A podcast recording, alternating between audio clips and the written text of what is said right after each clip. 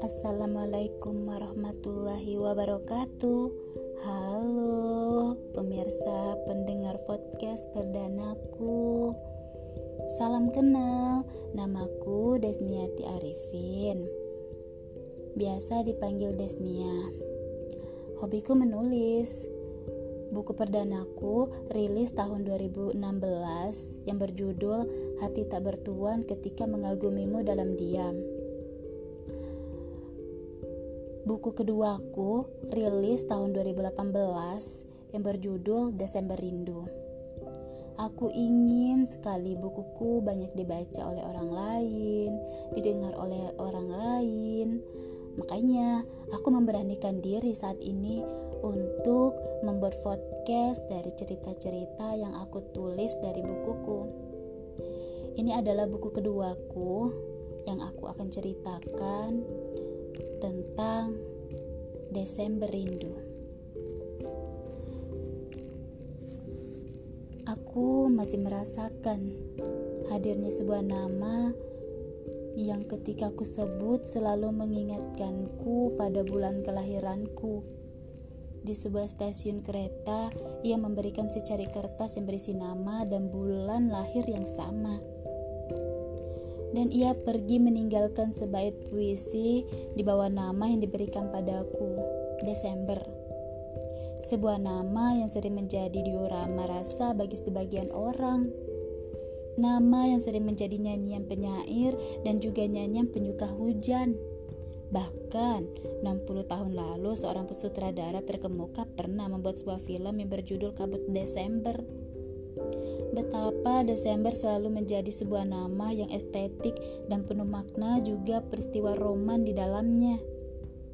Sampai-sampai Desember ke-6 ia masih setia dengan tulisan dan perasaan yang selalu ia jaga.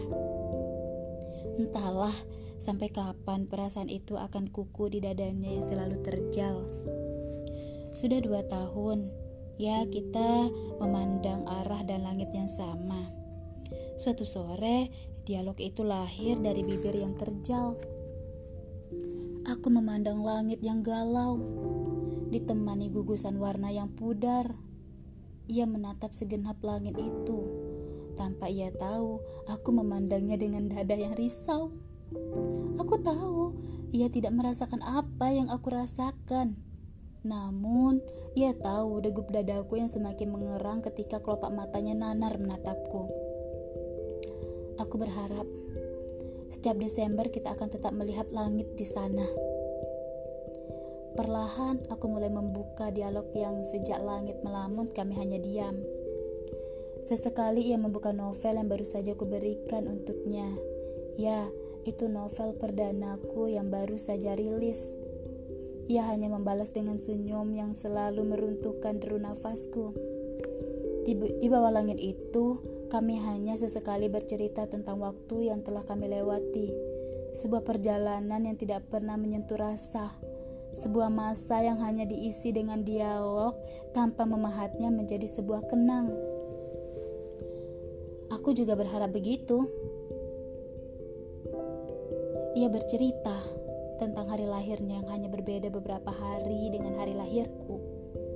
Sesekali aku menoleh pada wajahnya yang semakin sayu dalam ceritanya dan memberanikan diri untuk menoleh lalu tersenyum. Sore sudah semakin rentah. Ia pamit untuk pulang dan aku hanya mengangguk mengiyakan kepergiannya. Aku pun beranjak meninggalkan sore yang setia merawat senja. Berjalan gontai ke rumahku yang hanya berjarak beberapa ratus meter dari tempat pertemuan tadi. Ekalaya, sebuah nama yang selalu mengingatkanku pada seseorang kesatria yang pandai memanah. Hanya saja ia tidak pernah mendapat tempat di mata kesatria lainnya. Namanya hilang begitu saja, walau kelihayannya dalam memanah hampir lebih sempurna dibandingkan dengan Arjuna seorang kesatria dari keluarga Pandawa yang mengaku dirinya satu-satunya pemanah terhebat di jagat ini. Aku sangat menyukai namanya Karakternya pun hampir sama dengan Eka Laya yang pernah aku baca di tokoh wayang. Ia tidak pernah meminta untuk diakui setiap ia membuat sebuah karya. Ia pun gigih berlatih tanpa harus ada yang mengajari atau membimbingnya. Aku seakan melihat jiwa Eka Laya terdapat di dalam jiwanya Sikapnya yang ramah, juga lemah lembut, membuatku yakin bahwa ada jiwanya di dalam jiwanya. Eka Laya, aku menulisnya di dalam sebuah bingkai yang penuh dengan bunga, meletakkan namanya pada setiap puisi yang kutulis. Diam-diam, aku mulai merasakan debar di dalam rongga dadaku. Tidak, ini tidak mungkin. Aku seorang perempuan, tidak boleh menanam perasaan terlebih dahulu. Tetapi ketika kisah di dalam sebuah novel mengingatkanku pada seorang perempuan yang secara terang-terangan menyatakan perasaan pada seorang pangeran yang ditemuinya, begitupun dengan Zulaika. Ya, kalian kenal ya dengan Zulaika? Yang secara terang-terangan menyatakan dirinya suka dengan Yusuf. Lalu, apakah aku akan menjadi seorang perempuan seperti dalam novel tersebut, atau menjadi sosok Zulaika dalam histori cintanya pada Yusuf. Barangkali iya, atau barangkali tidak sih. Mia, namaku yang sering ia sebut sebagai nama yang puitis dan terdapat dalam sejarah, katanya. Ia juga sering berkata bahwa namaku adalah nama yang manis.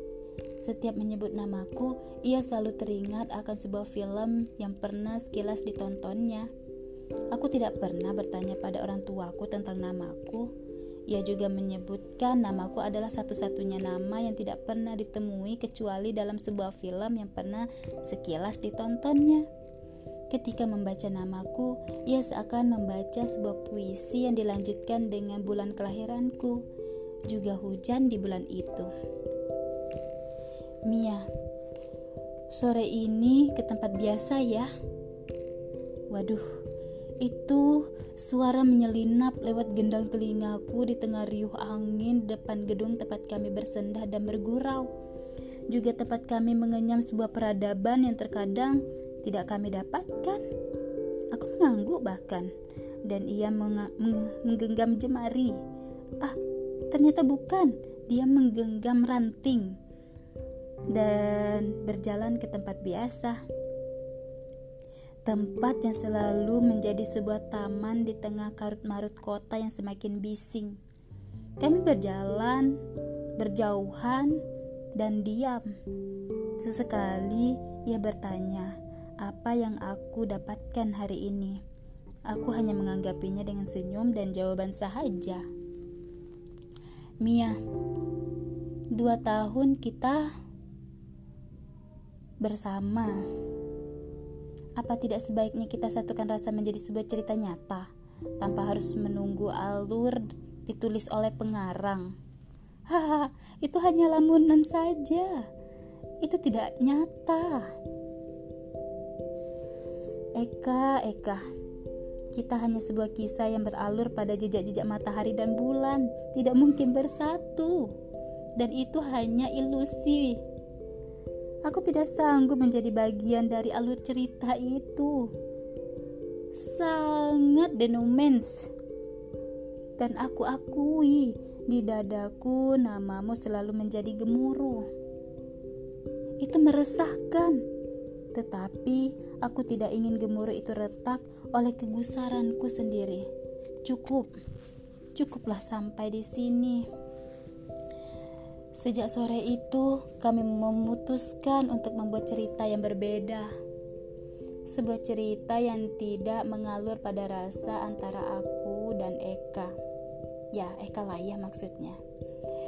Kami berjalan di antara cerita yang diciptakan oleh kami Aku membuat cerita tentang samudra yang membasahi gersangnya dadaku.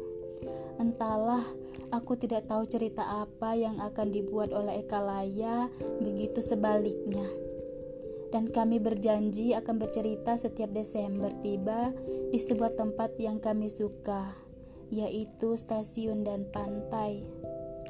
Aku tidak tahu alasan Eka memilih stasiun sebagai tempat untuk menceritakan cerita kami. Begitu juga gemuruh pantai. Aduh, rasanya untuk melanjutkan segmen ini saya butuh mental. Saya cukupkan di sini saja ya. Tunggu segmen selanjutnya. Terima kasih.